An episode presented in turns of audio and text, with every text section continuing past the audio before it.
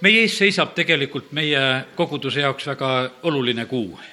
selles mõttes meil on väga oluline evangeeliumi kuulutamise võimalus ja sellepärast usun seda, et ka see tänane sõnum eh, valmistab ette just eh, seda osa, et me oleksime valmis seda tegema. ja, ja see puudutab eriti seda, et me oleksime hästi ühel meelel. see on selge, kui me ühel meelel teeme midagi, siis see tulemus on palju parem. ja me teame, ma usun, paljud seda valmi, Krõlovi valmi, see kuidas luik, aug ja vähk igaüks tirib ise suunas ja, ja siis vanker ei liigu. ja sellepärast eh, see on ka võimalus, et, et me võime hakata eri suundades tirima ja siis asjad ei liigu nii hästi. aga täna on meie käes nagu see võimalus, kus me saame üksteist nagu julgustada selles osas, et katsume teha omalt poolt parima. et leida see, see ühine osa, mille juures me oleme ja üheskoos asju teha. ma loen kõigepealt nüüd jumala sõna Efesuse kirja neljanda peatüki kolmandast salmist. Efesuse neli kolm.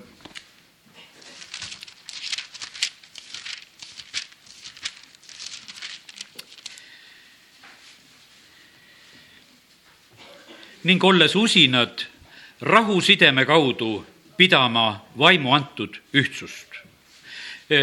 ühtsuse koha pealt jumala sõna kutsub üles, et selles on meil pingutust see ei tule mitte iseenesest, oleme kõik erinevad inimesed, jumal on meid niimoodi loonud. ei ole kaht sarnast inimest siin selles maailmas olemas. ei ole välimuselt, ei ole oma mõtlemiselt, ei ole oma arusaamistest, paljudest asjadest, oma tundmistest, kogemistest ja nii erinevad me oleme. aga nii erinevaid inimesi Jumal tahab eh, viia sellisesse ühtsusesse.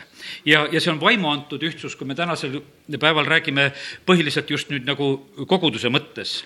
ja sellepärast selles on see rahuside see on see üks väga oluline komponent tegelikult, et me oskaksime ise selle juures sinna juurde panna selle rahu, mis on vaja see aitab kaasa. sellepärast, et, et äh, jumal teab, et, et meie inimestena vahest oleme väga raevukad võib-olla oma soovi asju tahtma ja tegema. aga rahu on see, mille kaudu tegelikult me leiame palju kergemini selle ühise osa. kindlasti on selle juures see teine side, armastus on täiuslik side, nii nagu sõna ütleb. ja loeme ka kirjast kolosslastele kolmanda peatüki ja neljateistkümnenda ja, ja viieteistkümnenda salmi aga üle kõige olgu armastus, see on täiuslik side. ja teie südames valitsegu Kristuse rahu, millesse te olete kutsutud ühe ihuna ja olge tänulikud. see on väga selge Jumala üleskutse, ta tahab seda, et meie südametes valitseks Kristuse rahu ja selle juures oleks äh, armastus väga võimsalt kehtimas. nüüd lähen Jeesuse palvesse, mida võime lugeda Johannese evangeeliumi seitsmeteistkümnendast peatükist. ja me loeme täna siit salmid eh, Johannese seitseteist, kakskümmend kuni kakskümmend kolm. ja, ja pane tähele, see ei ole mitte mingisugune selline ühekordne mõte, vaid selles terves selles lõigus Jeesus nii mitu korda ta rõhutab ühte asja ja see on just see üks olemine. ja ma arvan, et isegi sobiks lugeda see üheksateist salm veel ette. ja ma pühitsen ennast nende eest, et nemad oleksid pühitsetud tões, et nad oleksid pühitsetud tões, et nad oleksid tõe sees. ja mis see tõde siis on, millest Jeesus edasi palvetab ja ütleb? aga ma ei palu üksnes nende eest, vaid ka nende eest, kes nende sõna läbi hakkavad minusse uskuma. et kõik oleksid üks, nii nagu sina, isa, minus ja mina sinus, et nemadki oleksid meis, et maailm usuks, et sina oled minu läkitanud. ja mina olen andnud neile selle kirkuse, mille sina oled andnud mulle, et nad oleksid üks, nii nagu meie oleme üks mina neis ja sina minus, et nad oleksid täielikult üks, nii et maailm tunneks ära, et sina oled minu läkitanud ja et sa oled armastanud neid, nagu sa oled armastanud mind. väga tugev Jeesuse soov, mille, millise palvega ta on isa ees. ta palub seda, et jumala rahvas võiks olla üks. ta ütleb, et ma palun sellepärast, et nad oleksid üks ja kui nad on üks, siis maailm usub. ma usun, et ei ole võõras meile paljudele see küsimus, kui mõnele hakkad evangeeliumi kuulutama, küsitakse, aga miks neid uskusid nii palju on? ja läheb see teema selle peale ja, ja sellepärast, ja see on teatud määral probleem tõesti aga paraku see praegusel hetkel siin selles maailmas on.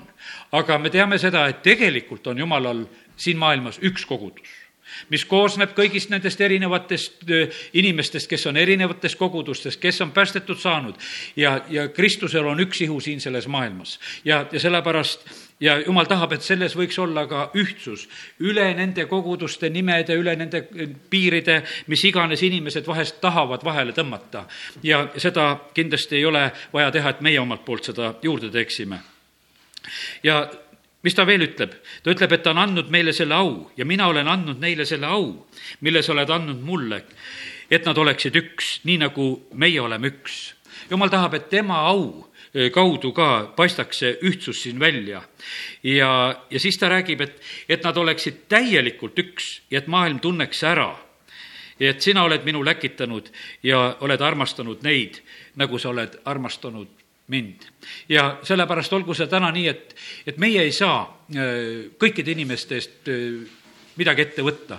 ainukene, kelle eest tõeliselt ette saad võtta, oled sina ise, mina ise ja me ei saa teisi inimesi muuta ja see ei ole täna ka meie soov ja mõte, kui me täna siin sellest räägime. see ei tähenda seda, et me teist inimest äh, hakkaksime sundima, et kuule, et ole minuga üks. vaid ei, vastupidi, vaid et katsume meie ise leida seda ühist osa ja seda armastuses teha. ja siis tulevad need õnnistused. selle taga on tegelikult väga, väga, väga suured õnnistused. ja, ja sellepärast aidaku äh, meid Jumal selles äh, uues Testamendis eriline ühtsushetk tuleb esile nelipühapäeval ja see on vaimu antud ühtsus, kui vaim valatakse välja, kui me lugesime kõigepealt seda, et äh, kuidas Apostel Paulus ütleb, et me peaksime pidama seda vaimu antud ühtsust, siis vaatame Apostlite tegude teist peatükki ja nelipühapäeva. ja nelipühapäev on selline eriline päev, kus erinevad inimesed on koos väga erinevastest, eh, erinevate keelte ja, ja rahvuste hulgast inimesed on koos, nii nagu kiri meile sellest räägib. aga sellel päeval on nii, et kõik mõistavad ja saavad aru. Eh, kõigepealt eh, Apostlite teod kaks üks ütleb, kui nelipühapäev kätte jõudis, olid nad kõik ühes paigas koos. üks selline ühtsuse eeldus on see, et näed, me oleme tulnud ühte paika kokku järgmine väga oluline asi on tegelikult, et kui me oleme ühes paigas koos, siis äh, Apostlite teod üks neliteist ütleb, nemad olid äh, kõik püsivalt ühel meelel palvetamas koos Jeesuse ema Maarja ning naiste ja Jeesuse vendadega üks asi on, et me oleme ühes paigas koos, aga väga tähtis on, et me saavutaksime ka selle ühise meelsuse, et me oleme ühel meelel koos. et me teeme üheskoos neid asju, mida me siin teeme, et kiidame Jumalat, palvetame, läheme eespalvetega Jumala ette, et selles oleks üks selline ühtsuse valmisolek. ja siin me peame eh, teatud määral ju igal juhul leppima sellega, et mis ja millisel moel on toimumas. ja, ja sellepärast aidaku meid Jumal, et, et alati meie igaühe kaudu võiks seda üksmeelt nagu rohkem saada, sest et kui järjest juurde tuleb inimesi, et eh, see üksmeel sellisel moel võiks kasvada. aga loeme nüüd natuke nelipühapäevast veel. ja kui jumal val-, valab välja vaimu ja äkitselt tuli taevast kohin, otse kui tugev tuul oleks puhunud ja täitis kogu koja, kus nad istusid. ja nad nägid otse kui hargnevaid tulekeeli, mis laskusid iga üksiku peale nende seas ja nad kõik täideti püha vaimuga ning hakkasid rääkima teisi keeli, nagu vaim andis, eh, neile andis rääkida. Jeruusalemmas oli elamas juute, vagasid mehi kõigi rahvaste keskelt, kes on taeva all. kui nüüd see hääl kostis, tuli kokku nende kogukond ja kõiki valdas hämmastus, sest igaüks kuulis räägitavat oma keelemurret ja nad, nad jahmusid ja panid imeks, öeldes, ennäe, eks need kõik kes räägivad, ole galilealased. kuidas siis meist igaüks kuuleb oma sünnimaa murret? Meie partalased, meedlased, eelamlased, meie, kes elame Mesopoto-, Mesopotaamia, Juuda ja Kapadookia maal, Pontoses ja Aasias, Früügias, Pamfüülias, Egiptuses ja Lüübia maades Küreene pool ja siia elama asunud roomlased, juudid, nende usku pöördunud kreetalased, araablased, kuidas me kuuleme räägitavat meie endi keeles Jumala suuri asju Nad kõik olid jahmunud ja kahe vahel ning ütlesid üksteisele, mis see küll peab olema. mõned pilkasid ja ütlesid, nad on purjus ja, ja siis Peetrus ütleb ja räägib välja, ütleb, et ei, nad ei ole purjus, vaid see ühtsus on see, et Jumal on välja valanud oma vaimu, nii nagu ta prohvet Joeli kaudu on tõotanud, et viimsel päevil sünnib, ütleb Jumal, et ma valan oma vaimust välja kõigi inimeste peale. Ja teie pojad ja tütred ennustavad ja teie noored mehed näevad nägemusi ja teie vanad näevad unenägusid ning oma teenrite ja teenijate peale ma valan neil päeval välja oma vaimust ja nad ennustavad nii et Peetrus ütleb, et see on see. aga panete tähele, keeled jäävad erinevad. ja keeltega me maadleme siit saadik. Et mis keeles on õigem rääkida, kas tohib Tallinnas teha vene keeles eh, koole või ei tohi, jälle teema uuesti üleval, järjest ollakse sellega. piibli järgi ütlen sedasi, et keeled jäävad. Keeled jäävad, mitte mingisugust muutust see ei tule. ilmutuse raamatust võid lugeda, et kõigist rahvasuguharudest, keeltest on inimesed kord Jumala trooni ees, Jumal päästab, keeled jäävad. Ja sellepärast sellesama alusel, et Jumal on tõotanud, et keeled jäävad, on meie eesti keel ka tänu Jumalale püsinud sest et meie keele oh, kadumise oht oleks palju suurem, aga me seisame nendesamade jumala tõotuste peal ja, ja sellepärast kiitus Jumalale. aga üle nende keelte Jumal annab ühtsust ja sellepärast kiitus Jumalale, et, et erinevad keeled, mis on siin selles maailmas, ei saa olla meile takistuseks. Need on meile õnnistus. ja, ja praegusel hetkel oleme meie küllaltki ükskeelsed siin selles ruumis, võiks ütelda, meil ei ole, ütleme, noh, isegi palju tõlget siin sageli üldse ja aga on olnud erinevaid aegu, kus siin tõlgiti saksa keelde, kus siin tõlgiti vene keelde, kus oli see noh, ütleme pidev tava, et, et tõlk seisis kogu aeg kõrval. kes siis kõneles saksa keeles ja kes siis vene keeles või, ja et eesti keeles aru saaksime, see oli, oli. ja sellepärast mingit vahet ei ole, kui ka jälle tulevad need ajad, kus ka erinevad keeled tulevad mängu. millised on need inimesed, keda me usus siia näeme, me ei ole täna rääkinud, et mis keelsed need inimesed siia tulevad. aga kui nad tulevad, siis me kõigiga suhtleme ja, ja sellepärast kiitus Jumalale, et ja vaim annab selle ühtsuse ja arusaamise. ja, sellepärast siin maailmas ei tule seda, et tuleb selline ükskeelsus, sest jumala sõna ütleb seda, et, et ta räägib, et need rahvad ja suguharud, need kogutakse tema ette. siin maailmas oli see aeg, kus oli üks keel ja jumal on selle ära seganud ja sellepärast meil on nii palju erinevaid keeli. ja me võiksime korraks minna nüüd eh, esimese Moosese üheteistkümnendasse peatükki ja, ja loeme tänasel hommikul sedasama kohta ka, kus toimub siis keelte segamine ja, ja see on siis seal Paabeli torni juures. esimese Moosese üksteist. ja kogu maailmas oli aga üks keel ja ühesugused sõnad kui lihtne oli siis, võiks ütelda siin selles maailmas ei mingeid takistusi, ei mingisugust pingutust, et õppida keelt ja teistest rahvastest püüda aru saada, vaid kõikjal on üks keel ja ühesugused sõnad. ja sündis, kui nad hommikupoolt läksid teele, et nad Sinearimaal leidsid oru ja jäid sinna elama. Nad ütlesid üksteisele, tehkem nüüd telliskive ja põletagem neid hästi. siis olid telliskivid neile ehituskivideks ja maapidi, maapigi oli sideaineks. Ja nad ütlesid, tulgem, ehitagem enestele linn ja torn, mille tipp oleks taevas ja tehkem enestele nimi, et me ei ajuks üle kogu maailma. Nad teevad omast meelest väga suuri tegusid ja me teame Paabeli torni ehitust, see oligi suur ehitus, aga kuidas Jumal vaatab selle asja peale, aga issand Jumal tuli alla vaatama linna ja torni, mida inimlapsed ehitasid. me Jumal on nii suur, teda ei mahuta taevaste taevad ja nüüd on see tegu, mida inimesed tegid, mis oli küll suur, aga issand pidi tulema alla vaatama linna ja torni, mida inimlapsed ehitasid. issand ütles, vaata, rahvas on üks ja neil kõigil on üks keel ja see on alles nende tegude algus. nüüd ei ole neil võimatu ükski asi, mida nad kavatsevad teha.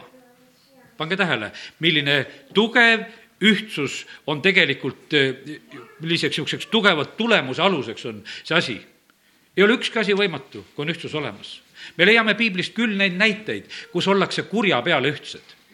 võetakse ühel meelel mingisugune asi kätte ja, ja tõuseb mingisugune vaev, vaen ja asi ja sellepärast, kallid, eh, ühtsus, ükstapuha millisel moel, on tegelikult väga eh, tugev jõud. aga siin jumal ütleb sedasi, et mingem nüüd alla ja segakem seal nende keel, et nad üksteise keelt ei mõistaks ja issand pillutas nad sealt üle kogu maailma ja nad jätsid linna ehitamata. sellepärast pandi sellele nimeks Paabel, sest seal segas issand ära kogu maailma keele, sealt pillutas issand nad üle kogu maailma ja nii, nagu täna oleme rääkinud, jumalal ei ole plaanis hakata siin maailmas looma ühte keelt, vaid piiblit tõlgitakse erinevatesse keeltesse, jumal tahab, et evangeelium jõuaks kõigi keelte ja rahvasteni ja see läheb jätkuvalt selliselt edasi.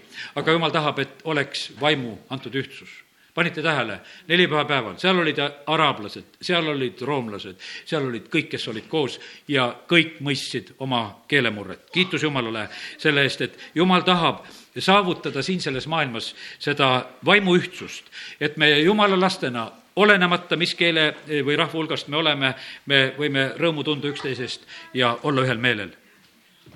Apostlite tegude raamatus, kui püha vaim välja valatakse, see tegelikult äh, läheb päris hästi korda. ja kui nüüd vaataksime natukese veel Apostlite tegude raamatu mõnda kirja kohta. me lugesime juba üks neliteist, kuidas nad on ühel meelel palves, me lugesime kaks üks, äh, kuidas nad on ühes paigas koos, aga nüüd loeme Apostlite teod kaks nelikümmend kuus. Ja, ja seal on ka nimetatud ühtsuse kohta väga iseloomulikult, kuidas jumala rahvas elab ja käitub. Nad viibisid päevast päeva ühel meelel pühakojas, murdsid leiba kodudes ja võtsid rooga juubeldades ja siira südamega, kiites Jumalat, leides armu kogu rahva silmis. issand aga lisas päästetuid päevast päeva nende hulka. jumala rahvas viibib päevast päeva ühel meelel pühakojas Nad käivad kodusid mööda, murdes leiba ja võtavad siis rooga juubeldades, nii kirjeldatakse jumala rahva olukorda sellel esimesel hetkel. see oli eriline aeg juma, jumala rahva elus. kui natukese eestpoolt veel lugeda, nelikümmend kolm salm, ent igale inimesele tuli kartus, sest palju imetegusid ja, ja tunnustähti sündis apostlite läbi. kõik usklikud olid üheskoos ja kõik oli neil ühine. omandi ja vara nad müüsid ära ning jagasid oma raha igalühele sedamööda, kuidas keegi vajas. ja siis nad viibivad päevast päeva eh, seal ka üheskoos Jumalat kiites ja ülistades ja sellisel moel. ja ma usun seda, et eh, et või peaks ütlema võib-olla siia juurde ka sellise selgituse veel, et eh, Jeruusalemma saatus oli otsustatud, see linn ei jää kauaks. Ja sellepärast see omandi ja vara äramüümine oli täiesti kohane sellel hetkel. jumala lapsed müüsid ära, sest varsti nad pidid selle linna jätma, varsti oli see linn tehtud maatasa ja sellepärast jumalal ei olnudki mingisugust mõtet lasta oma lastel üle elada seda, seda sellist krahhi, et nende majad, nende asjad jääksid. Nad olid selle ära müünud. Ja jumala rahvas oli juba vaba Nad olid sellest varandusest vabad, nad võisid siis, kui Jeesus ütles, et kui te näete seda hävitise koletist, siis laske kähku jalga. ärge minge enam oma kuubega otsima, tehke ruttu, minge, sellepärast et siis ei ole enam mitte midagi, mitte midagi, nad olid täitsa valmis. Ütlevad jah, et mõned inimesed elavad Eestimaal praegu ka nii, et kõik on auto pagasnikus valmis, et, et kui vaja põgenema panna, et siis saab ruttu minna. et noh, et, et ei tea, millised olukorrad tulevad ja keegi on nii valmis kallid jumala lapsed, kui valmis meie oleme, ma mõtlen sedasi issanda tulekuks ja, sellises mõttes.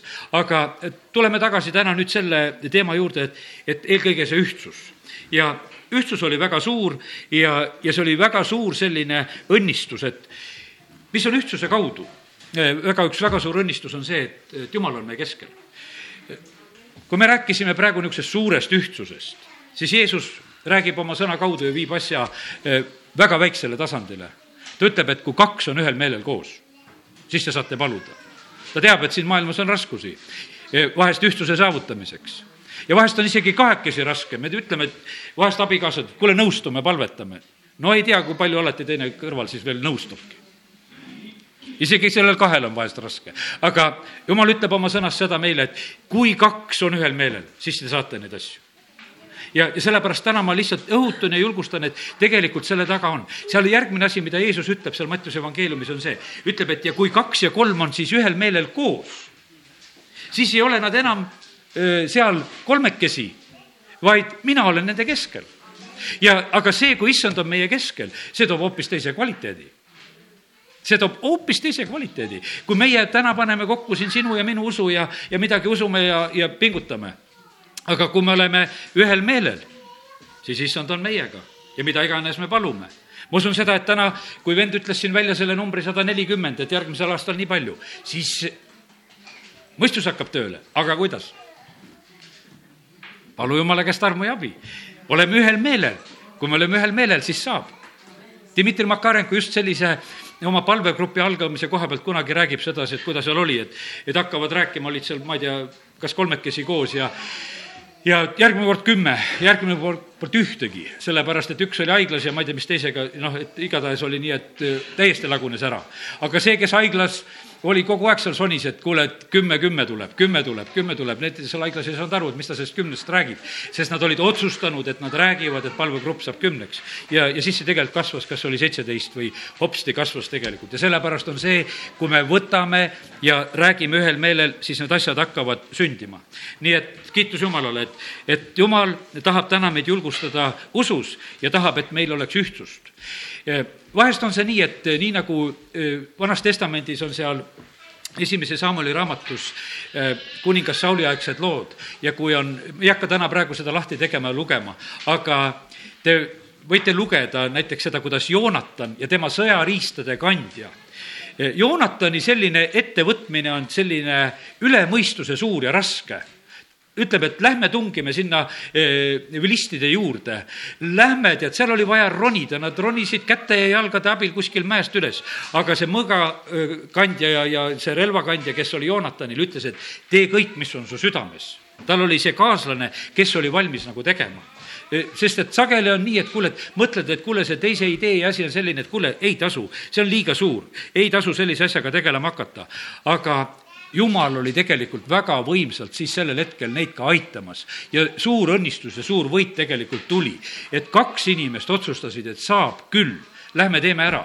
Ja, ja sellepärast kiitus Jumalale, et me võime täna julgustada, et ühtsus oleks väga tugev, oleks kasvamas ja siis asjad sünnivad.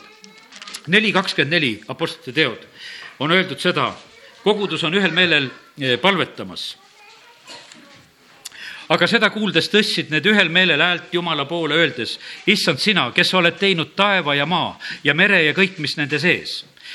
Nad tõstavad ühel meelel häält, milles oli tegelikult äh, küsimus Peetrus ja Johannes oli, olid vahepeal vangistatud, siis nad vabanesid. Nendel oli öeldud seda, et nad ei tohi kuulutada Jeesuse nimel. ja, ja siis nad tulevad omade juurde ja nad palvetavad, nad tõstavad ühel meelel häält issanda poole et issand, kes sa oled teinud taeva ja maa, mere ja kõik, mis nende sees, kes sa oled eh, meie isa Taaveti oma sulase suu kaudu püha vaimu läbi öelnud, miks paganad möll, möllavad ja rahvad taotlevad tühja. ilmamaa kuningad on astunud siia ja vürstid kogunenud ühte paika issanda vastu ja tema messia vastu. ja, ja sellepärast nad teevad julgelt ühel meelel palvet ja nad kuulutavad edasi. ja, ja sellepärast täna ka tahaks soovida seda, et ka meie eh, palved oleksid väga julged ja üksmeelsed. järgmine koht viis kaksteist, kus on öeldud, apostlite käte läbi sündis palju tunnustähti ja imetegusid rahva seas. ja nad olid kõik ühel meelel Saalomoni sammaskäigus. sellel üksmeelsel rahval oli juba välja kujunenud selline noh, kindel koht, kus nad olid. Saalomoni sammaskäik, et kui nemad tulid kokku, siis nemad kogunesid seal kiitus Jumalale, olgu see nii meie linnas ka, et, et selle Jumala rahva need üksmeelsed kogunemise paigad, mis on siin linnas mitmes paigas, aga olgu need nagu teadakohad, kuhu minnakse, kus ollakse ühel meelel koos, kus palvetakse ja kus sünnib palju tunnustähti, imetegusid ja, ja sellepärast olgu see nõnda ka. hetk ennem on tegelikult väga kurb asi, seal on üks abielupaar, Ananias ja Zafira. Nad on ühel meelel otsustanud et nad valetavad. müüme maja ära. niisugune kampaania on käimas, kõik müüvad maja ära ja kõik toovad majarahad siia. müüme meie omad asjad ja põllud ja mis nad seal müüsid, eks. ja, ja nad panevad, kui nad on oma omandi ära müünud, eh, osa rahast kõrvale, siis sa-, koos Zafira ja Ananiasega see asi seal toimub, eks ja nad toovad siis osa sellest apostlite jalgade ette ja jätavad mulje, et siin on kõik ja Peetrus ütleb, et miks te olete pühavaimu petnud, miks te olete ühte nõusse astunud selles asjas, et praegusel hetkel valetada. ja nad langevad ju mõlemad surnuna maha erinevatel aegadel, sest üks tuleb ennem, teine pärast ja mõlemad kantakse surnutena välja. no suur kartus tuli kogu rahva peale, kui nad nägid, et sellised asjad ka sünnivad. ja, ja sellepärast, kallid, täna tahaks soovida seda, et meil ei oleks mitte mingisugust ühtsust mõnes vales ja halvas asjas. Kes teevad valet, nad otsivad alati liitlasi. aga ära sina nende valede liitlaste hulka mine. Sellepärast et kes teevad pattu, otsivad on endale kaaslasi, nad ei taha üksinda pattu teha, nad otsivad, on kuidagi parem. kes hakkavad mässama, otsivad endale kaaslasi, kes koos sinuga mässaksid või temaga mässaksid, sellepärast et üksinda on kuidagi väga igav mässata. ja siis hakatakse rääkima, et kõik, kõik teevad nii, sellepärast et iseenda nimel läheb kõik, kõik õigeks ja sellepärast ärme langeme nendesse lõksudesse. ja sellepärast hoidku meid Jumal, et me valedes asjades ei, ei hakkaks kuskil liitlasteks, vaid oleksime õigetes asjades. ja see, kuidas meie noh, peame olema ühel meelel, kui need palved, kui kaks on ühel meelel, tegelikult need palved peavad olema kooskõlas tegelikult ka jumala sõnaga, kui Johannese evangeeliumi lugeda, tuleme võib-olla pärast ka selle juurde, seal peab olema see üksmeel meil just saavutatud jumala riigi tasandil, mis on jumala tahe ja me ei tohi seda mitte eh, eirata. nüüd eh, vaatame veel Apostlite teod seitse viiskümmend seitse ja seal on juba ühtsus negatiivses mõttes selle peale nad karjusid valju häälega, oma kõrvu kinni hoides söösid nad nagu üks mees tema kallale. ja see oli siis, kui Stefanos jutlustas see vihastas inimesi ära, neid kuulajaid ära ja nad tulevad Stefanuse kallale ja nad tulevad ka seda väga üksmeelselt. me peame arvestama sellega, väga üksmeelsed sellised rünnakud jumala koguduse vastu tõusevad. ja Apostlite tegude raamatus me hakkame nagu seda järjest nagu nägema e. Efesuse e, lugu seal Apostlite teod üheksateist, me näeme seda, kuidas nad tulevad ja karjuvad e, väga tugevasti seal, kaks tundi seal linnas, tõstes Artimist suureks ja ja mille pärast? sellepärast, et Paulus oli palju saavutanud kahe aasta jooksul ja palju imetähti ja, ja tunnustähti sündis seal ja, ja jumal oli väga suureks saanud rahva hulgas. ja siis tõuseb see vastuseis, et see asi tuleks äh, ära lõpetada. nii et äh, need asjad tõusevad ja me ei pea mitte sellepärast ka ehmatama. Äh, kaheksa kuus, vaatame siit järjest veel neid kohti, kaheksa kuus on öeldud, et rahva hulk pani üksmeelselt tähele, mida Philippus ütles, kuuldes teda ning nähes tunnustähti, mida ta tegi seda on vaja et meil tuleks Võru linnas, et seda tuleks Viljandis, et seda tuleks. Äh, et rahvas, kes tuleb kokku, et nad paneksid üksmeelselt tähele, mida Philippus ütleb, mida Dmitri ütleb siis, kuuldes teda ja nähes tunnustähti, mida ta teeb. see on väga oluline, tähtis asi. Äh, vend Dmitri teeb väga julgelt asju, ta tuleb ta räägib usus välja, et asjad sünnivad. ja, ja need asjad sünnivad, kes usus vastu võtavad. ja vahest ta tarvitab seda taktikat, et ta tahab, et üks väga ilmne tunnustäht sünnib koosolekul. et see tõstaks teiste inimeste usku. siis tulevad teised ja saavad samamoodi. ja sellepärast inimesed panevad väga tähele, mis sünnib inimesed panevad väga tähele, mis sünnib ja sellepärast olgu see meie igatsus ja palve ka, et, et meie linnas oleks siin samamoodi, et inimesed panevad üksmeelselt tähele, mida kuulutatakse ja kuuldes ja nähes, mis asjad sünnivad, et nad tuleksid ka eh, siis Jumala juurde. mis seal juhtus? sest paljudest, kes olid, kel olid rüvedad vaimud, läksid need välja valju häälega kisendades, palju halvatuid ja jalutuid eh, sai terveks ja suur rõõm oli selles linnas ja sellepärast olgu see samasugune igatsus, et, et meil tuleb see samasugune lugu. et inimesed saavad kurjadest vaimudest vabaks, inimesed saavad terveks ja siin on palju halvatuid, jalutuid, kes saavad terveks ja suur rõõm on selles linnas. me oleme kutsunud inimesi ka eelmine, eelmistel kordadel käisin isiklikult kutsumas, kellel on, ütleme, haige laps või tead, kohe lähed väga konkreetselt kutsuma. no peaaegu tuleb, ei tule ka. on rahvas koos, vaatad ringiga, no kas tuli või ei tulnud, ei tulnud ja sellepärast palvetame selle pärast, et, et inimesed tuleksid, keda meie kutsume. Sest selles on teatud suur võitlus, et, et kas minna Jumala käest abi otsima või mitte minna. ja sellepärast oleme meie need, kes meie teeme omalt poolt parima, et, et inimesed võiksid tulla, võiksid kuulda, võiksid näha ja, ja siis on siin selles linnas väga suur rõõm.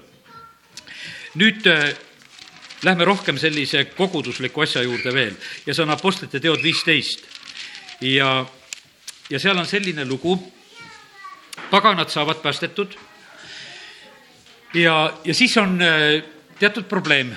esimesed päästetud on juudid. Nad elavad Moosese seaduse järgi, nad on ümber lõigatud, nad on kõikide nende kommete ja tavade ja pühade ja kõikide asjadega väga otseselt seotud. ja nüüd paganad saavad päästetud ja, ja juutide mõtteviis on täpselt see, et kui pagan saab päästetud, et siis peaks teda, kui ta on mees, teda peaks ümber lõigatama, siis peaks tegema kõike seda, mis on juudi kombe kohaselt vaja ja selle ümber tõuseb tugev po poleemika, et kuidas peaks seda asja lahendama.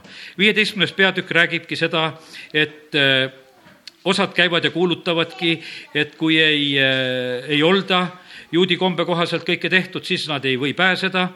see algab nii, siis tulid mõned juudamaalt alla ja õpetasid vendi. kui te ei lase endid Moosese kombe järgi ümber lõigata, siis te ei või pääseda ja sellest tuleb tüli Paulusel ja Barnabasel ja nendel on palju vaidlemist ja asja. siis nad tulevad Jeruusalemma, Jeruusalemmas toimub eh, apostlite nõupidamine, kus ollakse koos ja arutatakse neid asju läbi ja see apostlite nõupidamise otsus on tegelikult väga olulise tähtsusega eh, meie kõikide jaoks, kes me oleme pagana rahvaste hulgast. üheksateist salm ütleb, seepärast otsustan mina, et neile, kes paganate seast pöörduvad Jumala poole, ei valmistataks raskusi, vaid neile tuleb kirja teel teatada, et nad hoiduksid ebajumalate rüvedusest, pilastused ning pilastusest ning lämbunud loomadest ja verest. millest tuleb paganatel hoiduda? tuleb hoiduda ebajumalate rüvedusest, hoorusest, siis lämbunud loomast, kui veri jääb looma sisse, siis sellist ära söö, see tuleb seebiks keeta ja verest. veri tuleb maha valada. Need asjad olid nüüd, mis apostlite nõupidamisel esimesel sajandil Jeruusalemmas pannakse paganate suunal väga kirja ja väga otseselt. ja sellepärast täna ka tahaks ütelda, täna on ju tegelikult hingede päev ja tahaks ütelda seda ka, et ärme teenime neid tühiseid paganate kombeid. Ärme, ärme süütame küünlaid hingede kutsumiseks, seda ei ole mitte sugugi vaja teha. ebajumala teenistusest tuleb hoiduda, nii nagu siin oli praegusel hetkel juttu. Ja e, me võiksime lugeda võib-olla täna mõned salmid, et see ei oleks lihtsalt Toivo ütlemine, vaid ma loen siit kõigepealt viies Mooses kaheksateist, üksteist, kus on öeldud e, kümnendast salmist üheksandast salmist hakkame peale. kui sa jõuad sellele maale, mille issand su jumal sulle annab, siis ära õpi tegema nende rahvaste jäledusi. ärgu leidugu su keskel kedagi, kes laseb oma poega ja tütart tulest läbi käia, ei ennustajat, pilvest lausujat, märkide seletajat ega nõida, ei manajat, vaimude ja tarkade küsitlejat ega surnutelt nõu otsijat sest igaüks, kes seda teeb, on issandale jäle ja nende jäleduste pärast ajab issand su jumal nad ära sinu eest ole laitmatu, issand oma jumala ees. sest need rahvad, keda sa ära ajad, kuulavad pilvest lausujaid, ennustajaid, aga sinul ei ole issand su jumal selleks luba andnud siin maailmas on need kombed, need asjad, millega rahvad tegelevad ja jumal tõmbab väga selge piiri vahele, et nende asjadega meie ei tegele. Jesaja raamatu kaheksas peatükk ja kümnes salm ütleb nii ei, üheksateistkümnes salm, vabandust. ja kui teile öeldakse, küsitlege surnute vaime ja ennustajaid, kes sosistavad ja pomisevad, siis vastake, kas rahvas ei peaks küsitlema oma Jumalat? kas tuleb elavate pärast küsitleda surnuid? ja sellepärast, kallid, teeme nii, et, et võtame selle väga selgelt teadmiseks. mõned inimesed teevad ka seda näiteks, et oma lahkunud omaksega, oma mingi lähedane on surnud ja siis on see pilt ja muudkui räägib selle pildiga, käib surnuaiale ja räägib. jumala sõna ütleb, et ärme nendega räägi. me võime neid meelde küll tuletada, mälestada, see kõik on omal kohal, me austame neid, aga nende, nendega me ei räägi. teate, kellega te rääkima hakkate, kui seal rääkima hakkate? Te hakkate kurjade vaimudega rääkima. sest et nemad on valmis, sest jumal on ütelnud, et, et Need, kes on läinud, on läinud ja meil ei ole mingisuguseid vestlusi eh, enam vaja. ja sellepärast siin ütle kõik oma head sõnad oma lähedastele ära, jäta ilusasti hüvasti, õnnista, tee, mis iganes on vaja.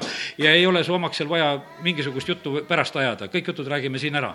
ja kui saame jälle kokku, kui oleme pääsenud, siis räägime jälle edasi. ja, sellepärast, aga vahepeal on see aeg, kus oleme üksteisest lahus ja, ja ei, ei räägi. ja, ja sellepärast olgu see meile hoiatuseks, võtame veel Jeremiah kümme, et mõned sellised äh, kohad oleksid äh, täna äh, silmade ees. kuulge sõna, mida issand teie jumal räägib Iisraeli sugu, nõnda ütleb issand. ärge õppige paganate teid, ärge kartke ta-, taevamärke, sest paganad kardavad neid kuid rahvaste kombed on tühisus, sest puu on raiutud metsast, see on puussepa kätetöö kirvega tehtud. seda ehitakse hõbeda ja kullaga, kinnitatakse naelte ja haamritega, et see ei kõiguks. Aga need jäävad linnupeletiste sarnaseks, kurgipõllul on need ja nad ei räägi, neid peab kandma, sest nad ei kõnni. ärge kartke neid, sest nad ei tee kurja, aga nad ei saa teha ka head nii et tegelikult ei ole sealt midagi otsida. aga nende valede kommete ja asjadega me saame ainult, ütleme, mida esile kutsuda, et see langenud vaimne maailm, see tõuseb aktiivsusesse, kui ta näeb, et inimesed on otsimas ja on avatud ja sellepärast meie ei tee neid, neid asju, vaid meie läheme oma palvetega Jumala poole, sealt tulevad meile vastused ja lahendused, nii et mida seal öeldi siis paganatele?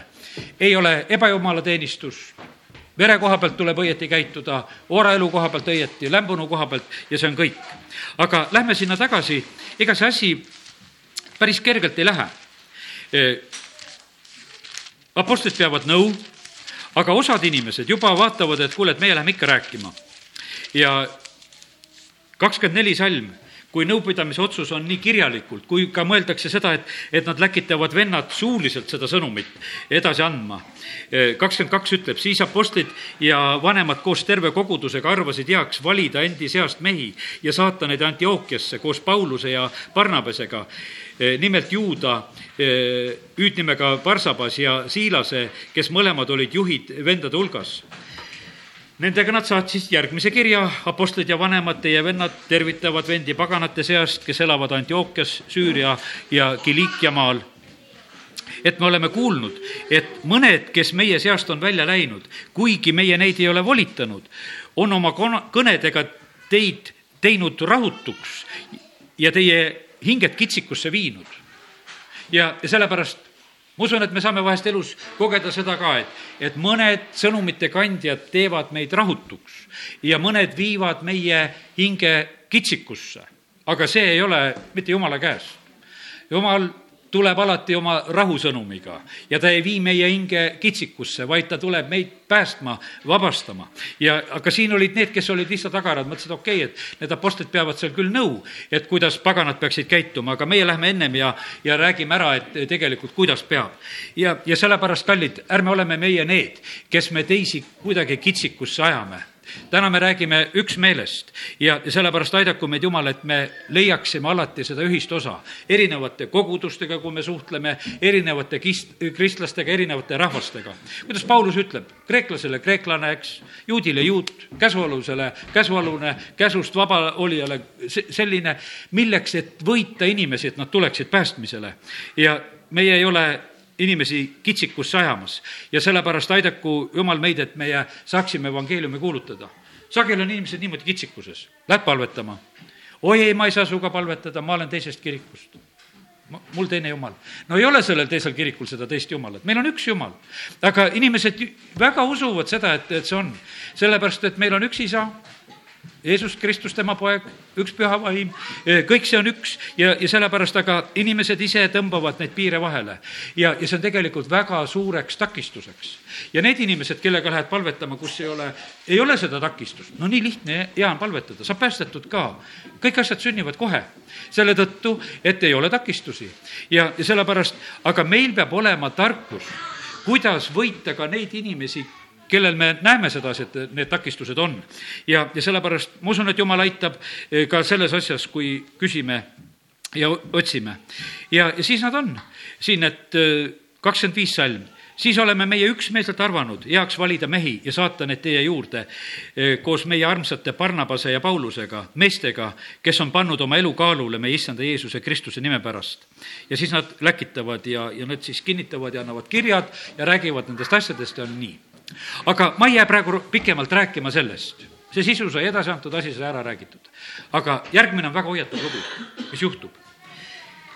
seesama peatükk, kus on äh, apostlite see nõupidamine ja otsus ja kolmkümmend kuus salm ütleb edasi, mõne päeva pärast ütles Paulus äh, Barnabasele, läki jälle vaatama vendi kõikides linnades, kus me oleme kuulutanud issanda sõna, kuidas nende käsi käib. Barnabas andis nõu võtta kaasa ka Johannes, keda kutsutakse Markuseks. aga Paulus pidas õigeks mitte võtta enesega kaasa teda, kes neist Pamfüülias oli lahkunud ega olnud nendega koos tööle läinud. sellest tekkis nii suur tüli, et nad teineteisest lahkusid Barnabas võttis enesega Markuse ja purjetas Küprosele. Paulus valis aga Siilase ja läks teele ning vennad andsid ta issand armu hooleks. ja ta käis läbi Süüria ja Kiliikia maa, kinnitades kogudusi. nägite, mis juhtus? ühtsusest on jutt. ja siis ühel hetkel on suur tüli, seesama peatükk lõpeb suure tüliga. Nad lahkuvad. no me teame, esimene aastatuhand, kirikulõhe Rooma ja Kreeka, kirikulõhe. sellised terminid on üleval. vaikseks jäi, eks. Kodus juhtub ka vahest. on tüli üleval, ka läheb vaikseks. ei tahaks üksteisega rääkida. aga nii ta on. ja sellepärast, kallid, on üks, kes tahab, et oleks üksmeel ja oleks rahu ja on keegi, kes tahaks, et oleks lahknevused, erimeelsused, mingisugused mõtted, aga täna me räägime sellest, et me tahaksime õnnistatud selle kuu nagu läbi elada, et oleksid suured võidud, et, et kurat ei saaks. aga ma täna just loen nagu sellepärast, et, et kurat on no nii valvamas et saaks no kuskilt need erimeelsused ülesse ja et siis läheks lahku ja läheks eri suunas. ja kui ta suudab midagi lahku viia, see igatahes lammutab. jah, me võime lugeda, et noh, kuule, läkski hästi, näed, et ühel pool olid õnnistused ja, ja teisel pool olid õnnistused. aga ei ole see mitte mingisugune õnnistuse koht, mida me siit praegusel hetkel lugema peame, et tekkis suur tüli, nii et nad lahkuvad teineteisest. ja, ja sellepärast see on täna meile lihtsalt hoiatuseks ja meeldetuletuseks, et need asjad võivad lihtsalt esile tulla ühtäkki. ja aidaku meid Jumal, et meie ei oleks nende asjade põhjustajaks. nüüd on nii, et eh, loeme veel eh, kaheksateist, kaksteist.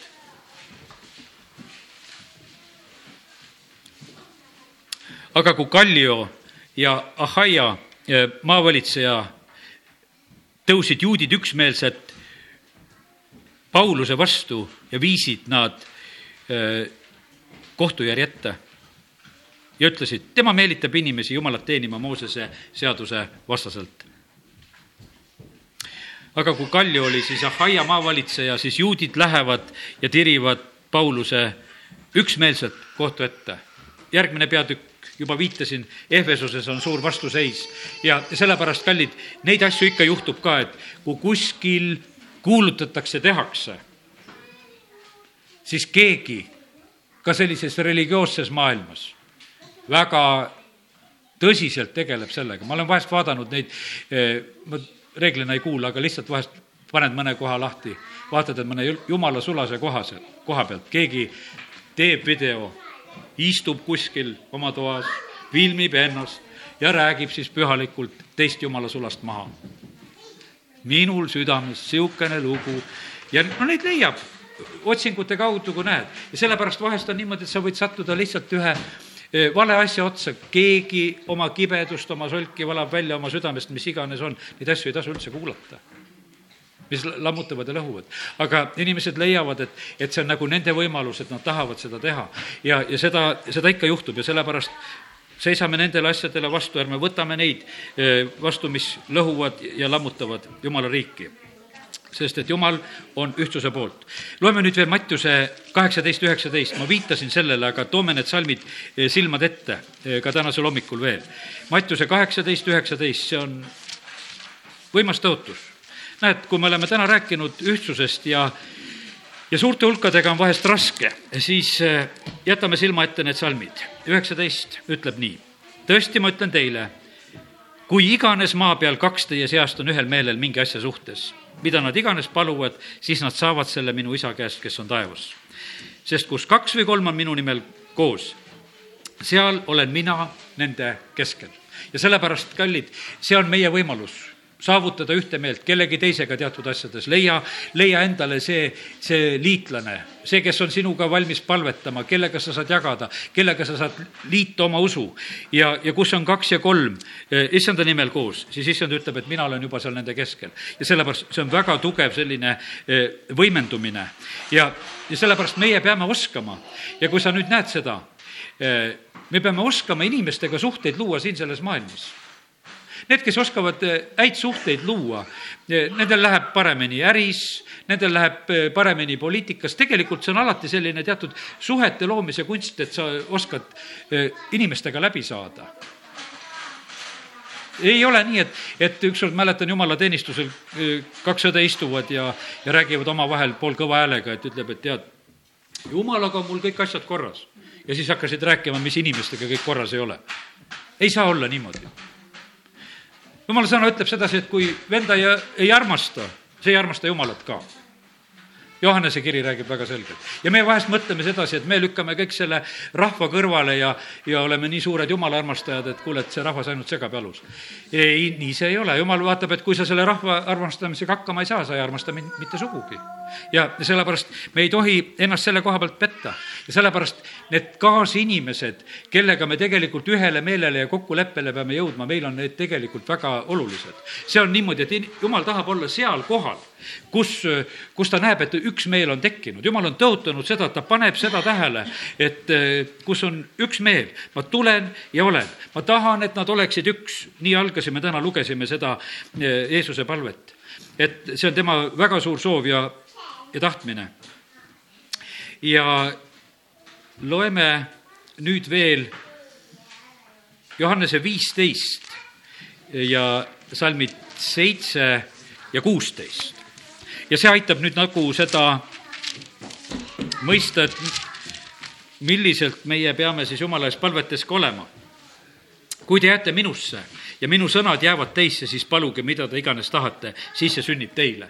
Nii et eh, kui me täna rääkisime, et võib ka kurjas eh, eh, noh, ühel meelel olla, aga siin Jeesus tuletab väga selgelt meelde, et kui te jääte minusse ja minu sõnad jäävad teisse, siis paluge, mida te iganes tahate ja see sünnib teile. ja, ja salm kuusteist ütleb veel siia juurde, teie ei ole valinud mind, vaid mina olen valinud teid ja olen seadnud teid, et te läheksite ja kannaksite vilja ja et teie vili jääks. Mida te iganes isalt palute, seda ta annab teile minu nimel ja siis on see, selle käsu ma annan teile, armastage üksteist. nii et eh, jumal jääb selle asja juurde, ta ütleb, et, et meie peame olema tema sõna ja tema tahtega kooskõlas. ja, ja olgu see ka meie see ühtsuse tase, et me nõustume nendes asjades, mis on jumala sõna tahe ja, ja leiame endale liitlasi nendes asjades, kui me palvetame ja jumal tuleb meile appi. Eh, millest on jutt siin selles Johannese viisteist, on vilja kandmisest jumal tahab tegelikult näha, et meie elus oleks vilja meie võib-olla äh, ei tegele, me tahaksime, et noh, et oleks endal hingel kuidagi hää ja oleks rahu südames ja, aga jumal ootab vilja tema tahaks näha, et, et sinu elul olen, on see tulemus, et tuleb vili. ta tahab, et, et see vili tuleks ja et see vili jääks. ja see vili on tegelikult siin selles maailmas, mis tuleb just teiste inimeste kaudu. Et teised inimesed tulevad päästmisele sinu elu kaudu. et eh, sellepärast, kallid, jumal ootab väga seda ja ärme seda ka arva, et eh, me võime niimoodi elada. Paulus ütleb seda ka, et meil ei tohi olla tegemist pimeduse viljatute tegudega. jumal tahab, et, et meie elus oleks see vili, mis tuleks esile. ja, ja see Johannese viisteist, kus ta räägib, on räägitud just sellest, et, et te olete oksad ja oksad peavad vilja kandma. ja sellepärast tulgu vili esile meie elude kaudu ja sellepärast praegu on väga hea aeg eh, kutsuda inimesi, teha omalt poolt seda, et kanda seda vilja kokku. Jeesus näeb rahvast kui potentsiaalset vilja põllud on lõikuseks valmis. ja, ja nii, nagu me oleme siin rääkinud, et näe Jeesuse pilguga inimesi. palusime nädala sees, et palu niimoodi, et sul oleks Jeesuse pilk nende inimeste jaoks, keda sa näed. sest sa oled võib-olla nii harjunult vaatama, et no see küll jumala riiki ei saa. no kust sa seda õigust võid võtta? Jeesus vaatab, ütleb, et aga saab. meie, me teeme vahest otsused teiste eest ära ja sellepärast, kallid, me ei tohi teha seda. ja sellepärast meie peame olema need, kes me läheme selles maailmas ja jagame armastust kõikjal, kutsume inimesi kõikjal ja, ja teeme seda julgelt. Aamose raamat kolm kolm on selline, see kolmas peatükk Aamuse raamatus ei ole kõige kergemalt võib-olla mõistetav selline lõik, aga üks ütlemine on seal väga tabav, selles näiteks kolmandas salmis just. kaks, kas kaks kõnnivad koos, ilma et oleksid ühel nõul? see on ikka nii, et kui kaks on koos, siis tegelikult kui ollakse ühel nõul, siis on see, sellel kõndimisel mõte. ja sellepärast see, selle küsimuse vormis öeldud tõde on siin väga tugevalt olemas. kallid, kui me tahame koos olla, siis ei aita muu ka, kui me peame olema ühel nõul, ühel meelel ja aidaku meid Jumal. vaatame, kas, kas me sellest saame aru, kuidas Apostel Paulus püüdis seda olla ja loeme esimese Korintuse üheksa ja üheksateist kuni kakskümmend kaks, kus on öeldud.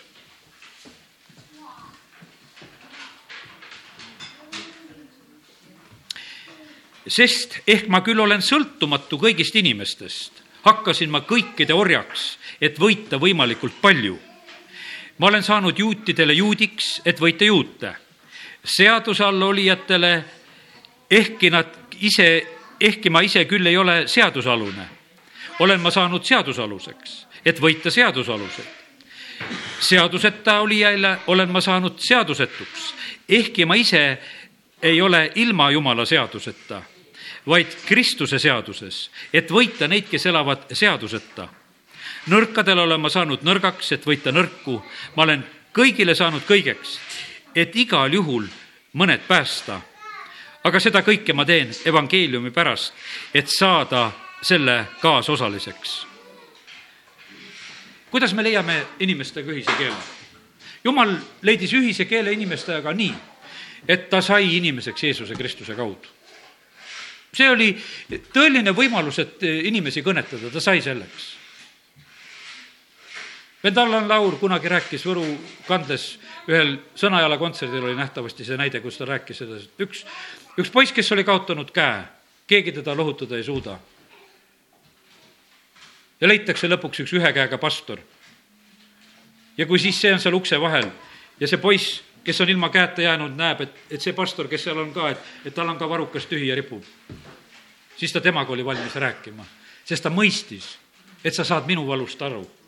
mis te kõik niisama lohutate ja selitate, te mu valust ju aru ei saa. ja, ja sellepärast, kallid, Apostel Paulus samamoodi ütlebki sedasi, et me peame saama kõikidele kõigeks. kui keegi on nõrk, siis ei aita seda, et ütled, kuule, ole tugev. jah, eks julgustust on vaja, aga selles peab olema see, et, et teine ka usub seda, et kuule, et, et sa mõistad. et sa saad aru ja sellepärast meie Jeesus on läinud läbi kõikidest kannatustest. teda on pekstud, teda on mõnitatud, teda on paljaks kistud, teda on avalikult ristile löödud. Eh, selline häbiväärne surm, mis talle osaks saab. ta on kõigest kiusatud, ta on ilma patuta aga ta mõistab kõiki, keda kiusatakse siin selles maailmas. ja sellepärast, kallid, eh, me peame ka saama seda, seda armastuse taset, et jõuda inimesteni, et nad, nad usuksid. ja sellepärast meil on vaja, kuidas ütelda, ma ütlesin täna, et, et ühist keelt ei tule, aga selles ülekantud mõttes me peame inimestega jõudma ühisele keelele, et me üksteist mõistaksime. ja et kuidas me nendele eh, läheneme ja, ja siis tuleb abi. kiitus Jumalale et äh, jumal tegelikult tahab meid äh, väga kõiges selles aidata. mõned salmid lõpetuseks, mida tahaksin lugeda veel ka. meie tegutsemine äh, võib olla vahest teistsuguse motiiviga, näiteks Galaatia kiri viis ja kakskümmend viis, kakskümmend kuus ja pisut rohkem loeme ka veel sealt. see on ikkagi seotud selle eeloleva kuuga, millest ma räägin, kus me teeme rohkem tööd, kuulutame, kutsume ja, ja kuidas Apostel Paulus meid siin julgustab ja õpetab, loeme siit äh,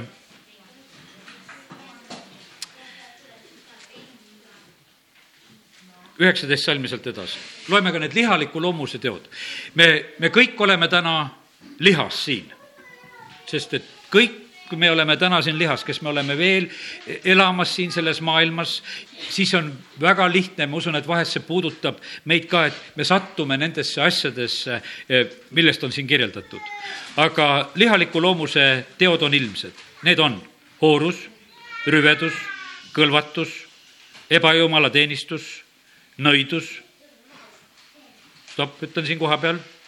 See ei ole ainult äh, nõidumine, et nõia juures käid või, või paned seal kaarte või ei tea, mis nõidumist teed.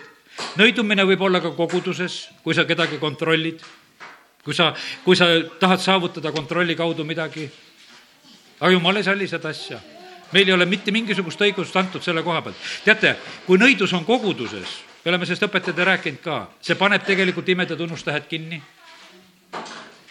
see sulgeb taeva sellisel moel, see on tegelikult väga, väga raske asi ja, ja sellepärast ei tohi nii olla. kirjad kogudustele, et sa sallid seal naist Iisabelli, kui need asjad on kõrvaldatud, need on kõik sellised, noh, ütleme väga pühaduse katte alla noh, läinud nõidused ja asjad.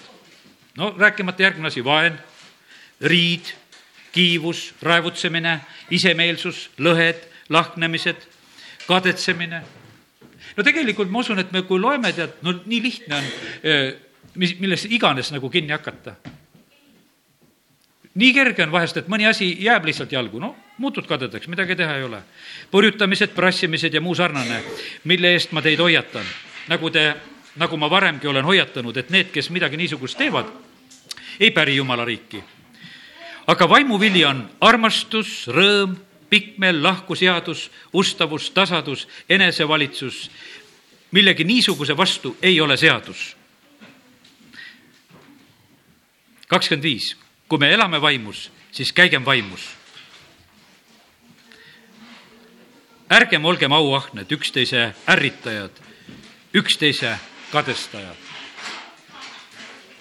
Apostel Paulus kirjutas seda teades, et koguduses on inimesed inimesed, kes tulevad päästmisele, vahest sageli esimesel hetkel on sellised, et, et nad arvavad, et nad sattusid mingite, noh, ütleme, inglite hulga keskele.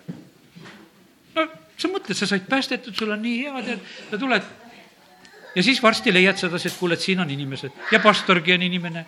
kõik hakkad varsti avastama sedasi, et kõik on inimesed. ja, ja sellepärast, kallid, me sõna hoiatab ja ütleb sedasi, et ärme laseme ennast nendest asjadest häirida, mida meie selliselt arv-, avastame ka. loeme Philippi kirjast ka veel. Philippi kaks. ja see esimene lõik, kolm salmi esimest. kui nüüd mingisugune julgustus Kristuses, kui mingisugune armastuse lohutus, kui mingisugune vaimuosadus, kui mingisugune südamlikkus ja kaastunne siis tehke mu rõõm täielikuks sellega, et te mõtlete ühtemoodi, et teil on sama armastus, et te olete üksmeelsed ja ühteviisi mõtlejad. ega tee midagi kiusu ega auahnuse pärast, vaid peate alandlikkuses üksteist ülemaks kui iseennast. nii et ükski ei pea silmas mitte ainult oma, vaid ka teise kasu. nii et Apostel Paulus äh, kutsub üles selleks, et et meie motiivid oleksid ka korras et me ei teeks mingi tühja au pärast asju ja ei võistleks ega võitleks nendes, nendes asjades, mis me teeme. ja sellepärast aidaku meid Jumal. vahest karjasena mina käitun niimoodi, et ma püüan neid riskisid maandada. noh, lihtsalt, et teen neid korraldusi ja, ja teen teadlikult neid korraldusi, et ma teen niimoodi, et neid inimlikke riskisid maandada. aga täna ma õpetajana räägin ka sellest nii me käitume, niimoodi, kui sa oled ülemustöö juures. sa valid inimesi vastavalt nende iseloomule, kuidas nad on. teate, meil on niimoodi, et, et meil on annid, mis annab Jumal meile ja need ei ole meie omad, need on Jumal andnud, mida sa näiteks, sa saad püha vaimu anni või sul on mingisugused, ütleme, täitsa loomulikud anded, mis on Jumal sulle andnud, sa oled hea töömees, sa oskad ühte, teist, kolmandat asja. Need, need on Jumala käest antud asjad. aga millega on meil tegemist? Ja mis on nagu see meie oma ja, ja mis on meie probleem, on meie iseloom. vaata, see on see meie. sellega me tegeleme, annid on väga head.